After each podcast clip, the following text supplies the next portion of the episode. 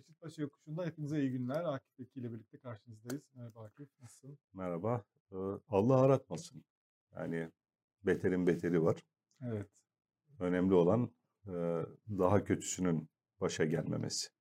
Mecelle kanunu defi mazarrat celbi menafiden evvel gelir diyordu. Yani kötülükleri kovmak, def etmek, menfaatleri celbetmekten önce gelir. Şu an artık e, daha iyi olmayı düşünmek e, lüks. Şu an herhalde birçoğumuzun yani memleketin genel hissiyatını da yansıtır şekilde e, düşüncesi daha kötüden kaçınmak. Evet. Maalesef oraya geldi iş. Dolardan bahsediyorsun galiba. Sadece dolardan değil yani genel gidişat. Genel gidişat, ekonomi, o bu yani iyileşme yaşadığımız e, pek bir alan yok. Bir takım spor müsabakalarında yüzümüzü güldüren başarılar, şampiyonluklar dışında yakın zamanda yüzümüzü güldüren bir şey olmadı. Bir de gelecek sene için işte bir e, milli uzay hamlesi çerçevesinde bir astronotumuz uzaya gidecek. Onun müjdesiyle biraz Teselli içimize su serpildi. Yemekler de götürecek yanında. E, Evet, uzay ajansı başkanı açıkladı değil mi? Evet. Türk mutfağı uzayda tanıtılacak. Yani bu tür şeyler işte bir e, şey Müşteri getiriyor. bulunursa güzel tabii orada. Varsa böyle bir müşteri kitlesi uzakta. E, Ne malum belki vardır. Yani aran, inşallah. aranıyor henüz bulunamadı ama Ve bizim yemekleri görünce belki çıkarlar saklandıkları yerlerden. bir de yani uzayda bir koloni kurulacak öyle ya da böyle bir insan kolonisi kurulacak. Belki e, önden gidip orada hani bir mutfak hazırlığı yapmanın da Yani ne, ne Faydası olur, olabilir. orada ne gider uzayda? Hangi yemek pişer? Evet yani bu tür şeyler en azından bizi tebessüm ettiriyor yani e, iyi şeyler gülmeye hasrette kalabiliyor insan çünkü E, Allah etmesin yani e, günler aylar boyunca yüzü gülmeyen insanımızın sayısı herhalde artıyor yani içinden geçtiğimiz e, zaman diliminde. Bugün tabii bizim başka bir şeyimiz daha var. E, Evet. Bugün bir yasımız var. Mevlana İdris'i e, kaybettik. Allah rahmet eylesin. Erken bir kayıp. E, onun tesiri var hepimizin üstünde. E, Bugün cenazesi ikindi namazından sonra Eyüp Sultan'da kaldırılacak. kaldırılacak. Allah rahmet eylesin. Gerçekten çok. Bugün de karar güzel bir sürmanşet yapmış. Evet. Onun çok sık kullandığı bir Ah bayım. evet kavramla. Gerçekten çok üzücü. Çok genç bir kayıp oldu.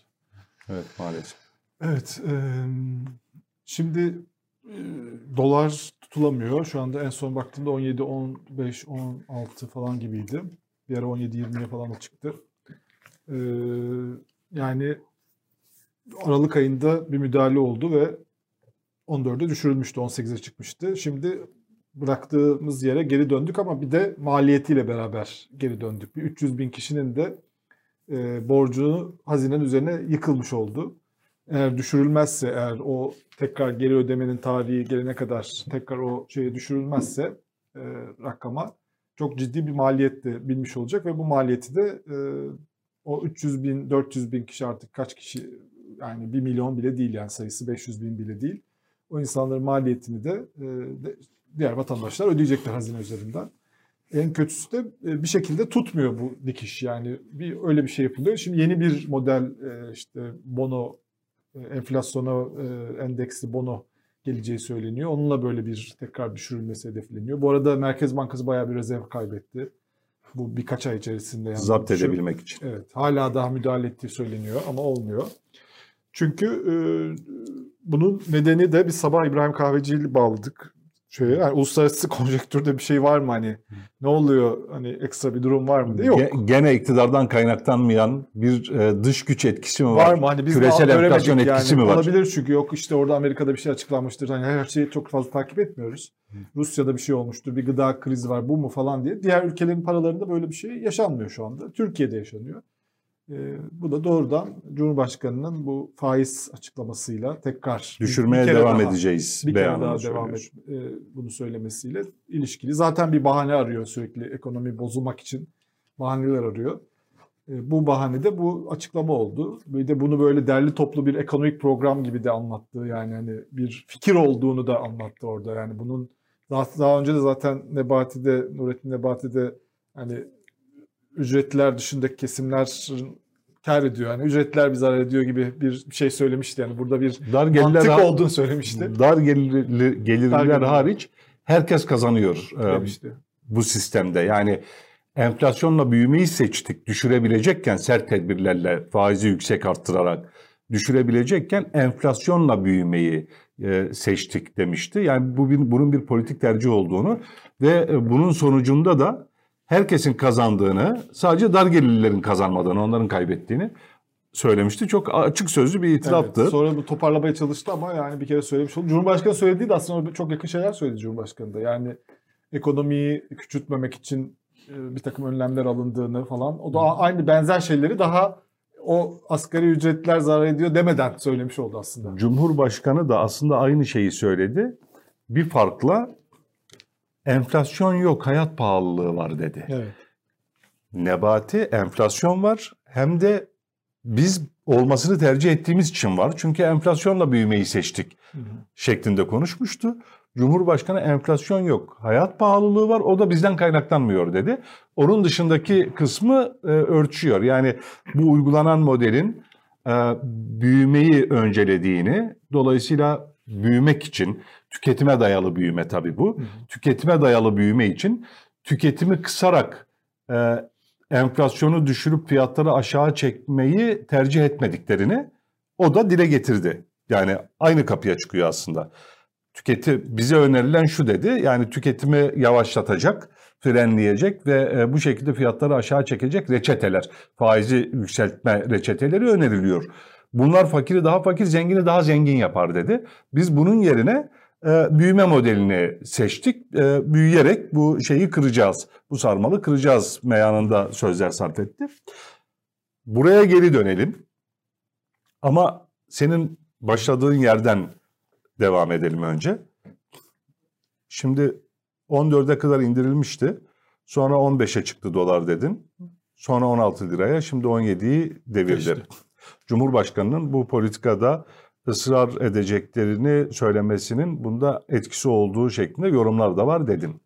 Yani faizi düşürmeye devam edeceğiz söyleminin e, etkisi olduğunu da hatırlattın. Bakan Nebati ne demişti?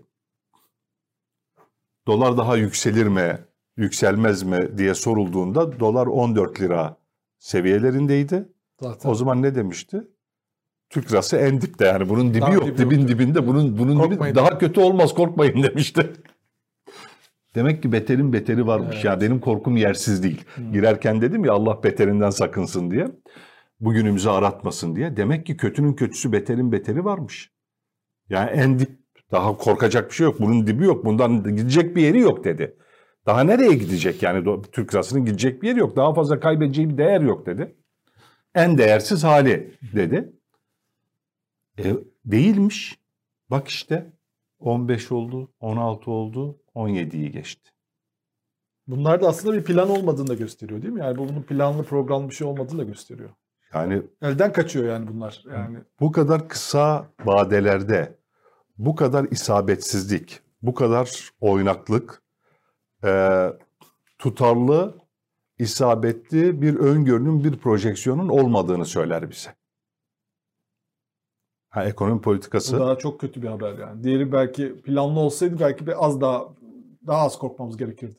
Yani ne yaptığını gerçekten bilen e, yani birkaç aylık vadelerde mesela Türk lirasının değerinde daha da kaybedeceği değer yok dedikten sonra 3 liralık, 2 liralık, 3 liralık bir değer kaybını e, öngöremezlik yapmaz. Öngörür bunu.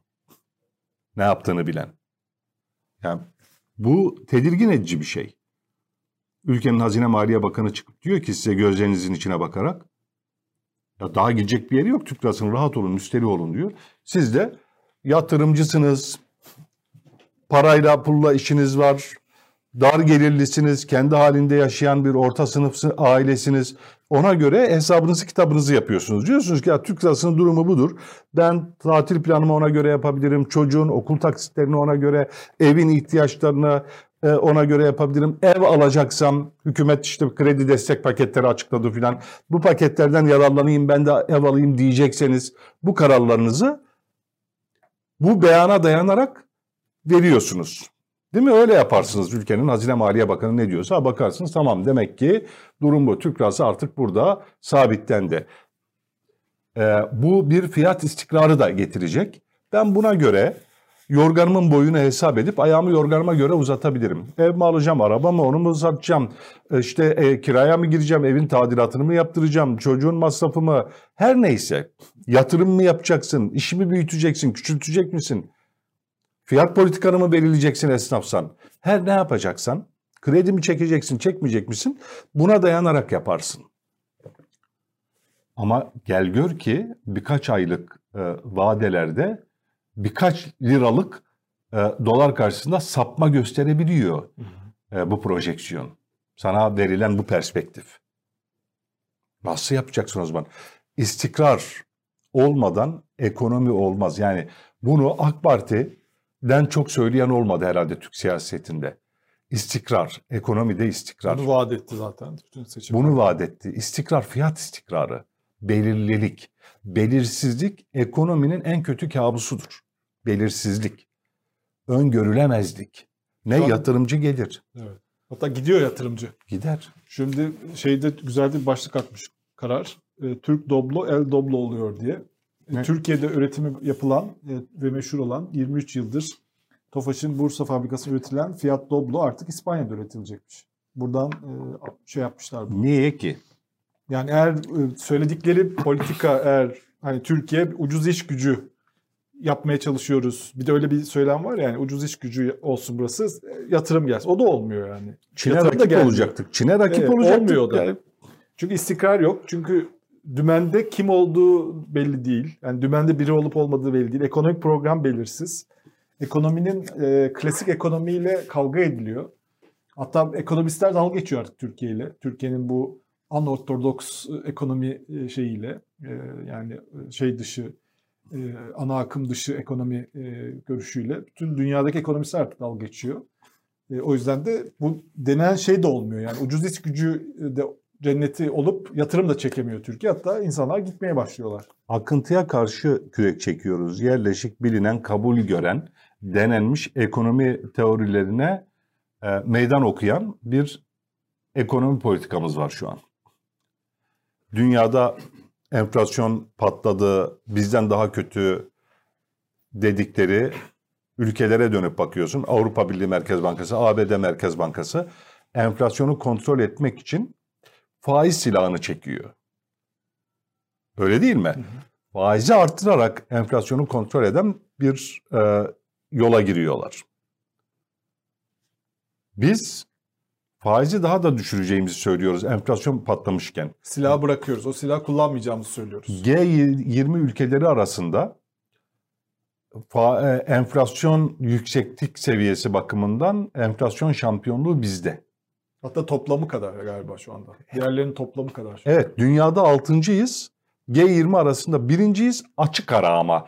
Yani onun tablosu var. Biz e, uzaya varmak üzereyiz. Neredeyse artık kapsülden ayrılacak bizim ekonomi e, ve e, füze, roket e, şeye e, atmosferi geçip e, Evet. uzay seyahatine başlayacak. Yani bütün dünyada enflasyon var deniyor ama e, bizdeki Bizim- enflasyon dünyalık bir enflasyon değil. Dünyada değil. Bizimkinin başı göğe ermiş durumda. O tabloya baktığınızda diğerleri daha yer seviyesindeler. Yer seviyesindeler. Yerden bitme enflasyonlar onlar. Bastı bacak enflasyonlar ama bizimki maşallah yalı kazığı gibi. Yani uzaya başı göğe erdi erecek. Şimdi bu durumda dünya e, bizde enflasyon yok, hayat pahalılığı var. O da bizden kaynaklanmıyor diyor iktidar. Kimden kaynaklanıyor? Dünyadaki enflasyondan. Ya dünyadaki enflasyonun kaç katıyız biz? Nasıl dünyada bizde enflasyon yok da bizdeki hayat pahalılığı dünyadaki enflasyondan kaynaklanıyor olabilir ki? Bu anlatılıyor. İktisat teorisine meydan okuyoruz.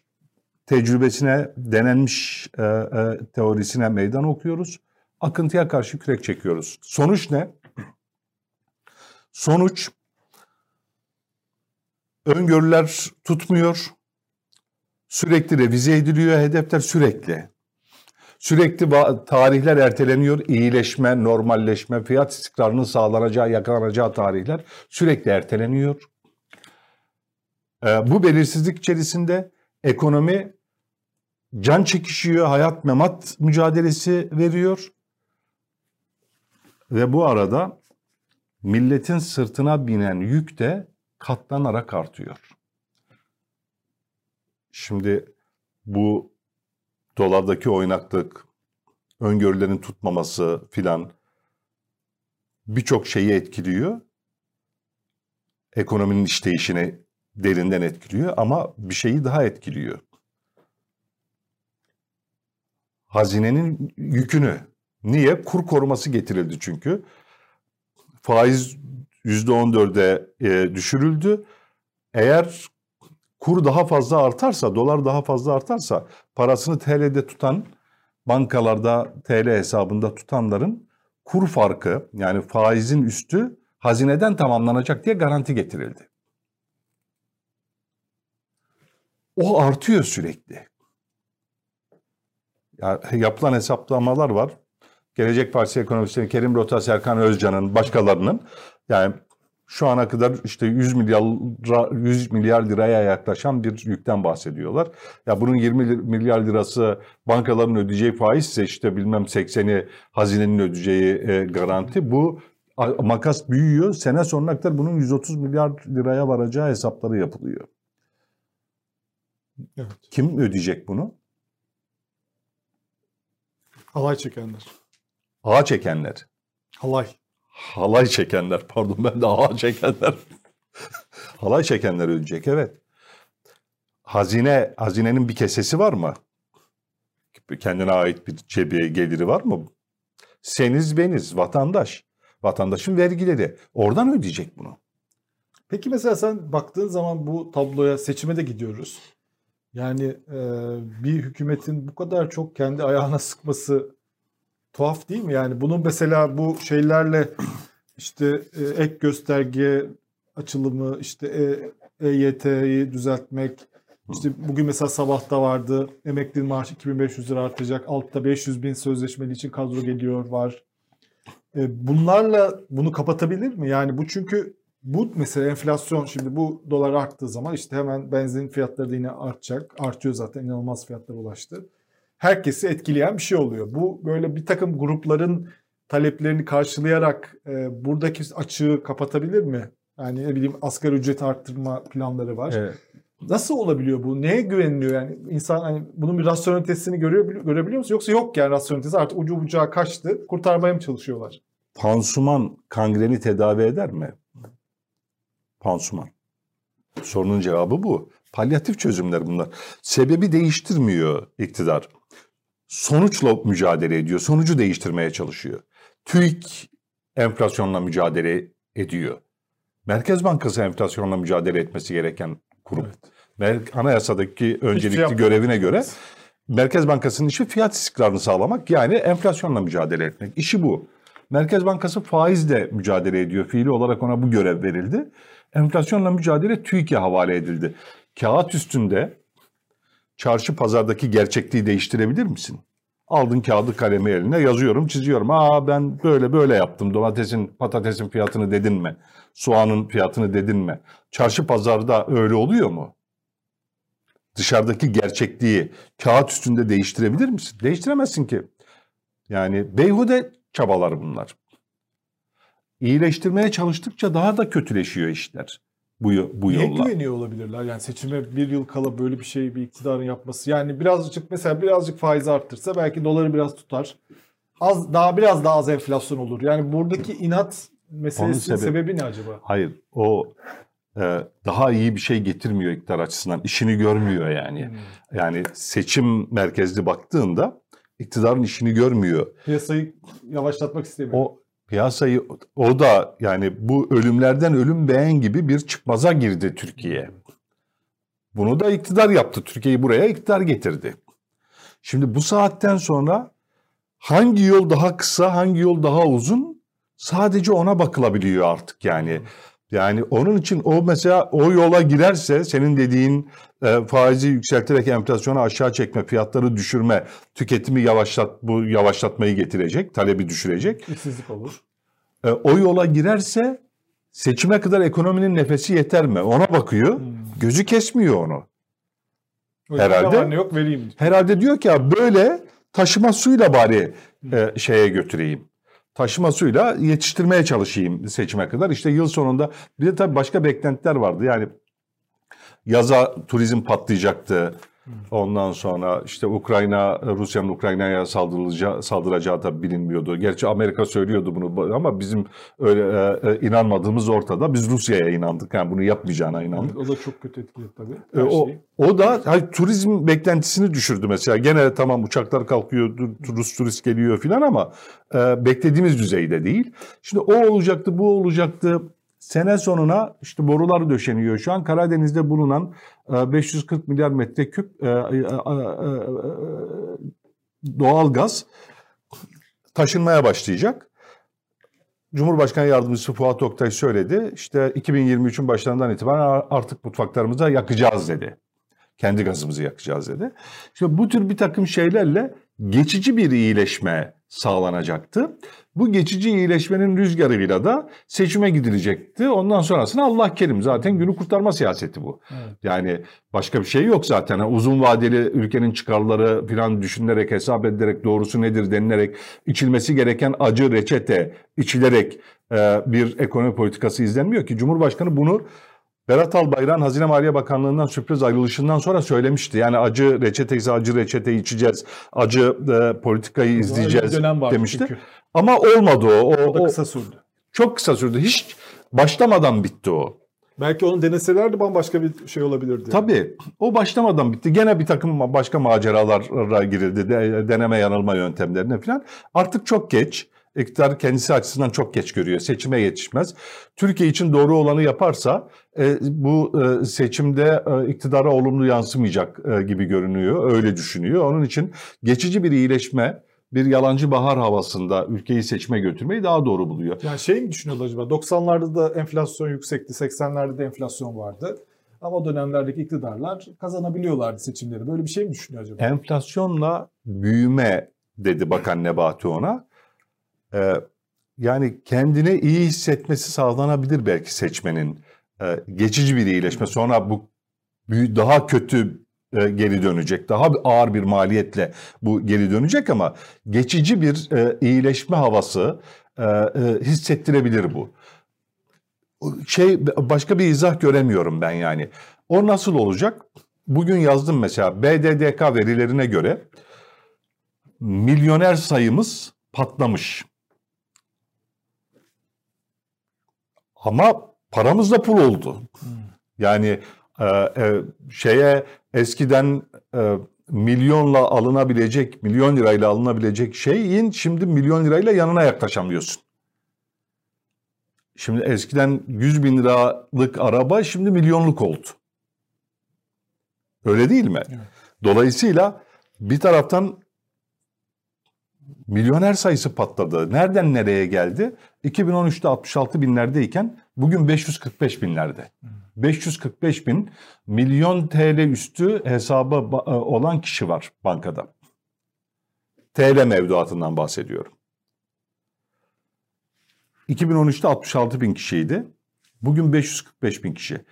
En büyük patlama ne zaman olmuş? 2018'e kadar bu 100 binlere falan çıkmış. 100 bini geçmiş biraz. 2018'den bu tarafa katlanarak e, 100 bin 200 bin artarak 100 binden 100 bin e, milyonerden 500 bin milyonerin üstüne çıkmış sayı. 4 yıl, yani 2018'den 2022'ye 4 yılda. Bu dönem ne peki? 2013'te 12.500 dolar kişi başı milli gelir var. Şimdi 2023 hedefi bile 10 bin dolar tutulacı- tutulup tutulamayacağı çok şüpheli. Gidişata göre tutulamayacak. 2013'te 10 yıl önce 12.500 dolar kişi başı milli gelir yakalanmıştı. Demek ki halk fakirleştikçe fakirleşiyor. Ama bir taraftan zenginleştikçe zenginleşenler de var. Bunların bir bölümü de gerçek zenginlik değil. Para pul oldu çünkü. içi boş. Kof milyoner yani bir, bir bölümü de. Fakat kendini iyi hisseden sayısı arttı. Böyle bir şey herhalde. Yani bir, bir taraftan işte zenginden alıp e, fakirden alıp zengine e, a- faiz üstünü tamamlamak için e, kur koruması adı altında aktarılan vergiler var, paralar var. Fakir daha fakirleşiyor, orta sınıftaki daha fakirleşiyor.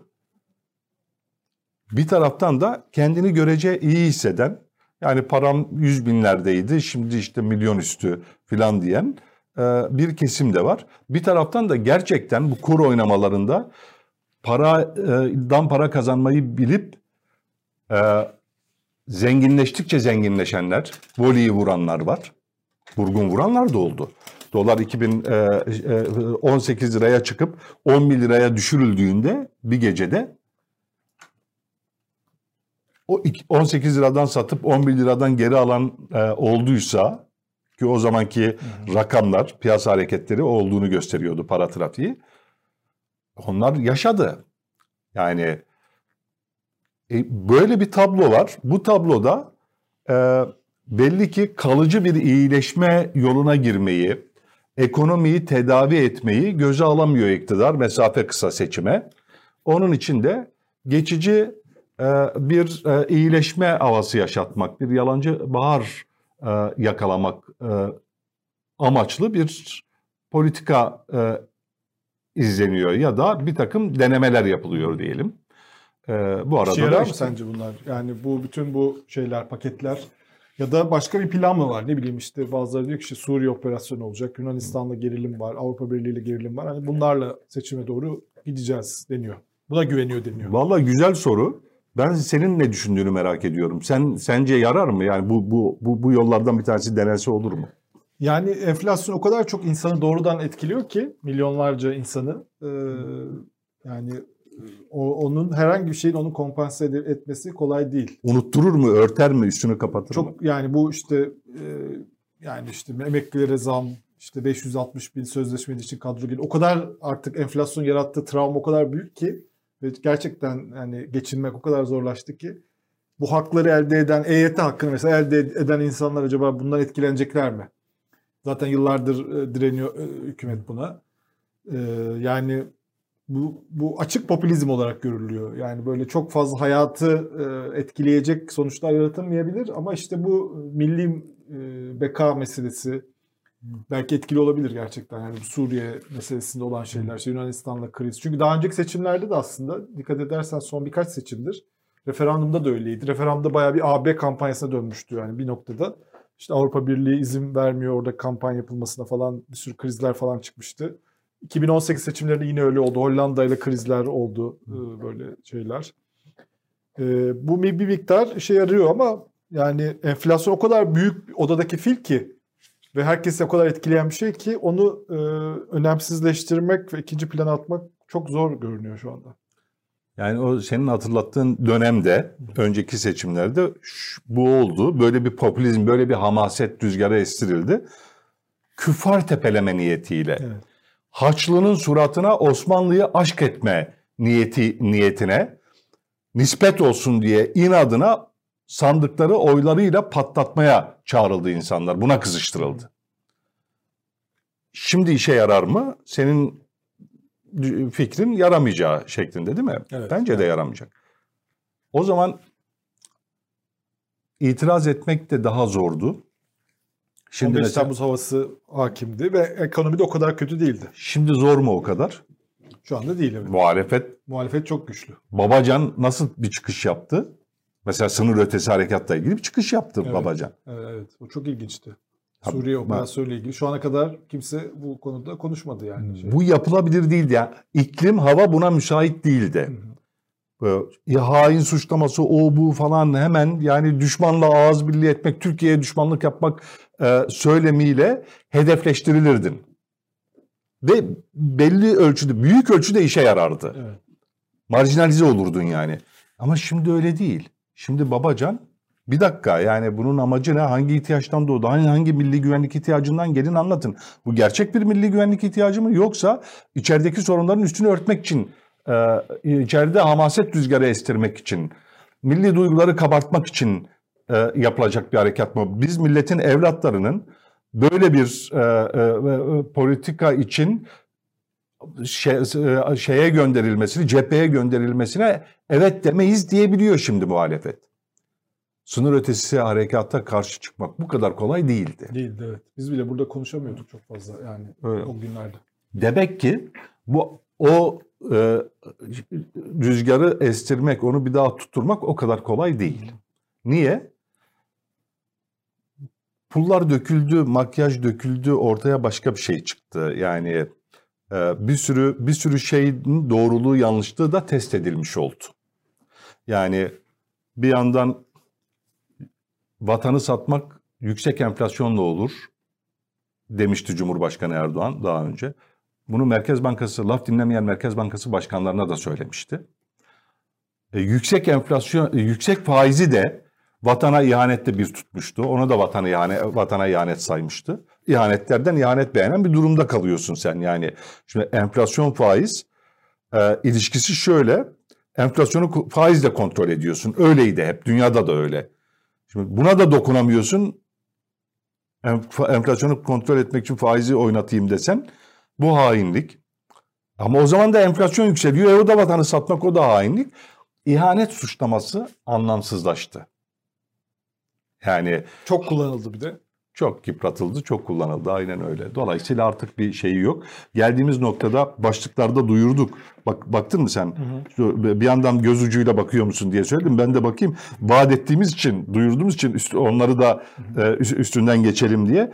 1000 TL'lik banknotun e, kaçınılmaz olarak çıkarılacağını, çıkarmak zorunda kalınacağını e, söylüyor mesela ekonomistler. Kim? Uğur Gürses. Niye? 200 liralık banknot var ya en büyük banknot şu an tedavüldeki 200 liralık. Bunun tedavüldeki para hacmindeki payı %15 iken %45'e gelmiş. 100 liralık banknot %44'müş onu bile geçmiş. Şu an 100 liralık banknotu da geçmiş durumda 200 liralık banknot.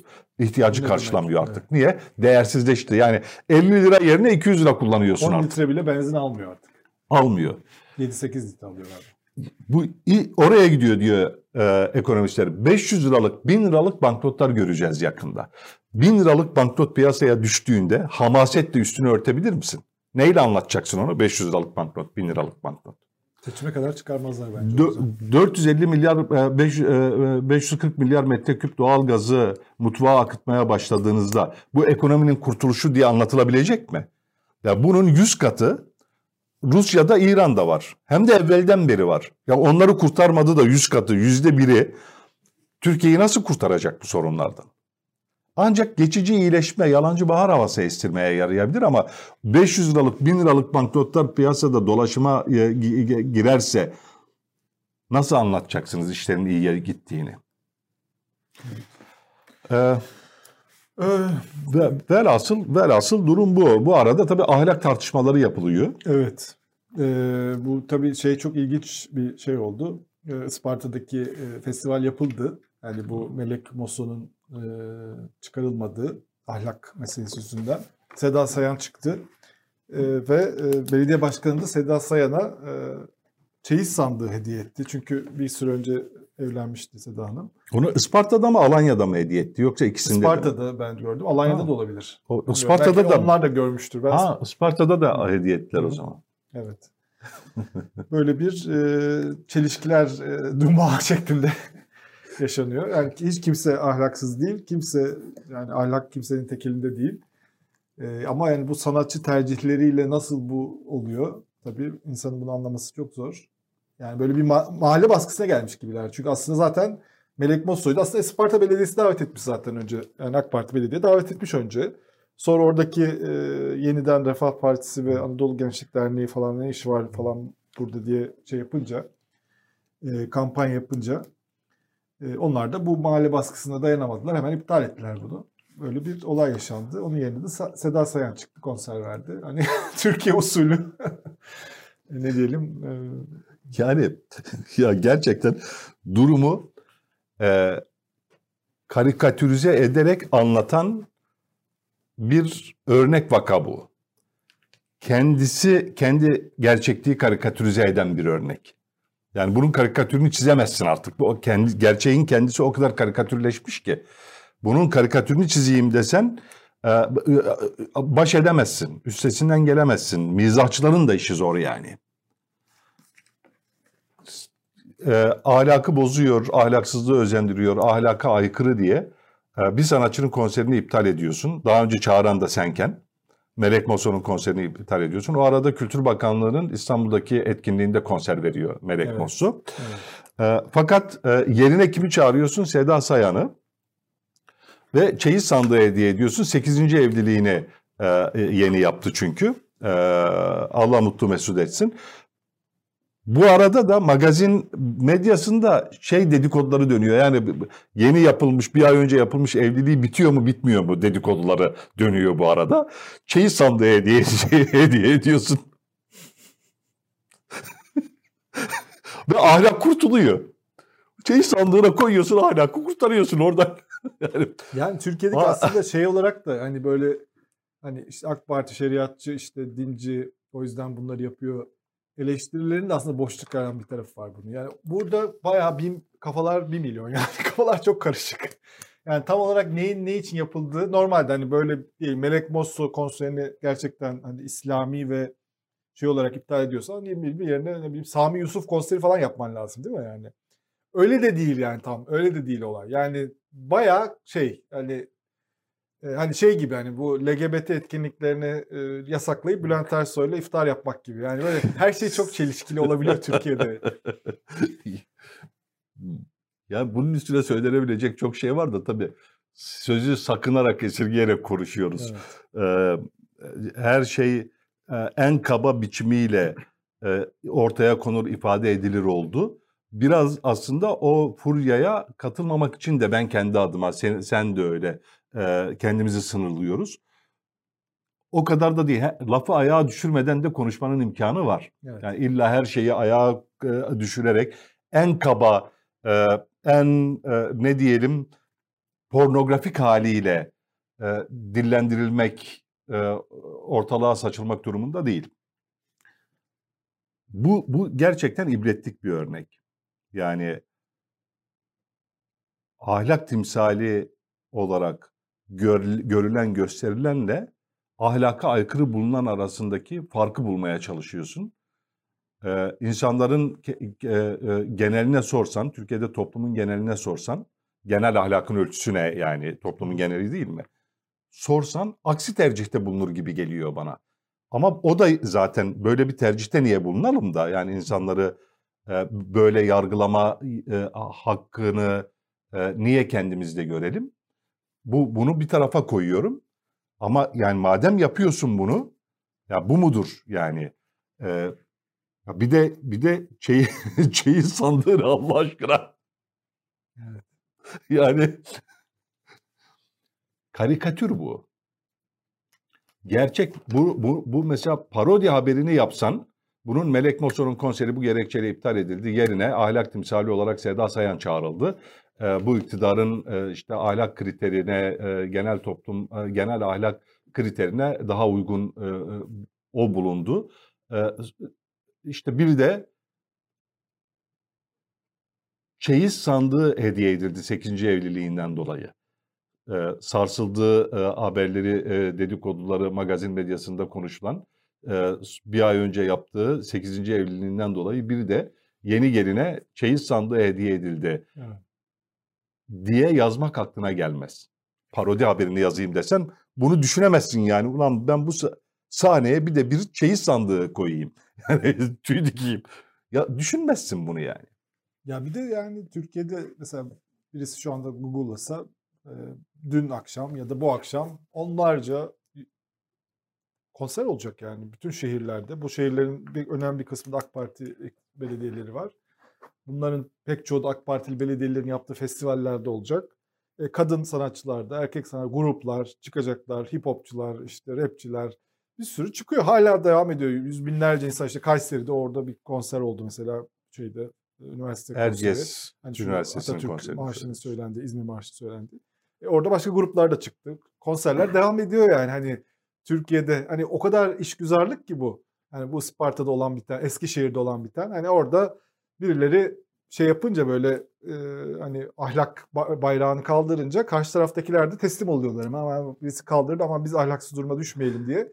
Ama bunun olmadığı yerlerde hani böyle bir itirazın olmadığı ya da böyle örgütlenemediği yerlerde böyle bir sorun olmuyor aslında Türkiye'de. Yani bunlar da devam ediyor bu konserler de devam ediyor. O konserler yapılınca ahlak elden gitmiyor mu yani? Gitmiyor. Evet. Rize'de de oldu mesela geçen gördüm çay şeyin çay bardağının önünde. Abdest bozulmadı yani. Manga konseri oldu. İşte ondan sonra başka gruplar çıktı falan. Bir, bir sorun yok yani. İnsanlar eğleniyorlar, zıplıyorlar. Tekno görüntüleri oluyor. Bu Trabzon'daki şey her yerde devam ediyor. E, ev- evinde oturan o konsere ilgi göstermeyenlerin ahlakına bir şey olmadı diyorsun. Hiçbir şey Bozulmadı olmuyor. ahlak. Yıllardır da olmuyor zaten. Yani böyle çok tam inanılmaz bir işgüzarlık ve günün sonunda da bu senin söylediğin çelişki de ortaya çıkıyor. Hani neye göre belirliyorsun bunu Ee, ve orada da bir cevabın yok yani. yani ona çeyiz sandığı verebilirsin en fazla bunu eleştirenlere. Peki bunlarla e, oyalanmasın millet, bunlar bu tartışmalarla vakit geçirmesin de şunu mu konuşsun?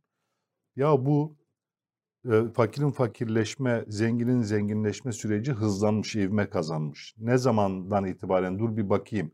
Aa 2018'den itibaren bu katlanarak, katmerli biçimde hızlanarak büyümeye başlamış. Fakir daha fakirleşmiş, zengin daha zenginleşmiş.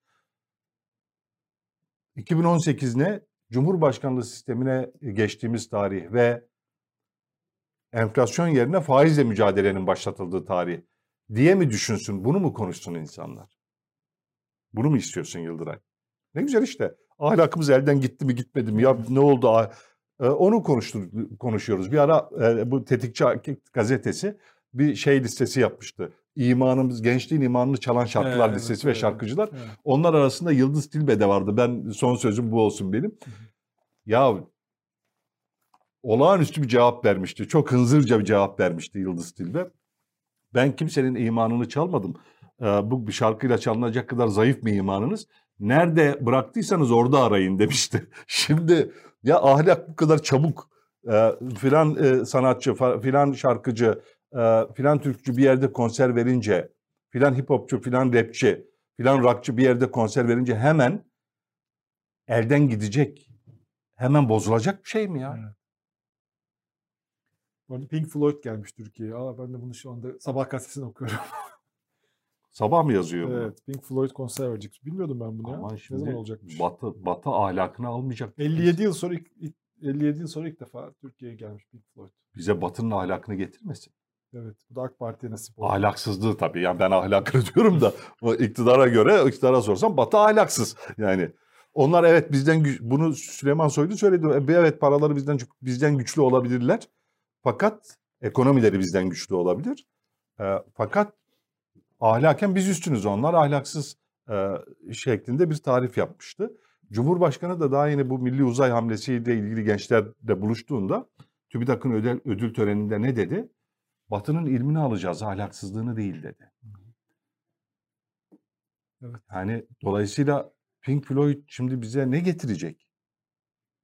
İlmini mi Batı'nın? Another brick in, in the wall. İlmini mi getirecek yoksa Allah Allah kafam karıştı ya. Haber nerede olmuştu dedi. Günaydın'da. Bu arada şeyde de e, Bodrum'da da Hint düğünleri başlamış. Geleneksel hani oluyor ya Türkiye'de Hint düğünü diye bir gelenek var. Zenginleri Hintlerin zenginleri Türkiye'de düğün yapıyorlar.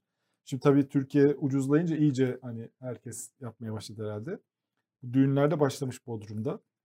Bu da bayağı burada geniş bir şekilde yer alıyor. Neyse herkese mutluluklar. Yer, yerli milli ahlakın ekranı hangisi diye sorarsam sana herhalde o gazetenin televizyonunu söylersin değil mi. ATV'yi? Müge Anlı'da Esra e, Erol'un programlarında ortaya saçılan şey peki e, Anadolu irfanı gibi mi görünüyor sana? Yani orada orta orada e, ekrana taşınan halk durumları E ne yapalım diyecekler. Halkımız böyle biz de yansıtıyoruz. E peki o yani halk o durumdaysa ya konserle e, ahlakın bozulup bozulmayacağı tartışması çok lüks kalmaz mı? Kaldı ki ben halkın e, e, e, durumunu, ortalama vaziyetini yansıttığını düşünmüyorum. Onlar rating e, e, canavarı programlar. Orada birinci öncelik izlenme. En çok ne izlettirilir? Dolayısıyla uç örnekler e, sanki genel durummuş gibi e, bir izlenim uyandıracak biçimde ekrana taşınıyor. Evet. Bana sorsan öyle. Ama ona laf ettiğinde burası yerli milli e, biz FETÖ'yle mücadele ettiğimiz için Bize e, yerli ve milli bir duruşumuz olduğu için bize bunlar söyleniyor diye açıklama yapılıyor biliyorsun. Tabii. Ya nasıl yani yerli millilik bu mu? Bu mu yani Anadolu irfanı? Ondan sonra da başkasının e, şeyine e, e, e, sanatçıya işte konsere ahlaka aykırı diyorsunuz. Hedefe koyuyorsunuz. Yani belli ki buradaki mesele ekonomideki bozulmayı e, konuşturmak yerine ahlakımız bozuldu mu bozulmadı mı konuşturmak. Ya başka hiçbir anlamı yok. Eğer ahlak kaygısı Tartışmayı oraya getirdik. ahlak kaygısı derdi olan öyle yapmaz. Evet, bugün de burada bitirelim bu hafta. Yeterli mi? Yeterli. Ee, bayağı her şeyi konuştuk. Ee, haftaya yine buradayız. Görüşmek üzere herkese. Hoşçakalın.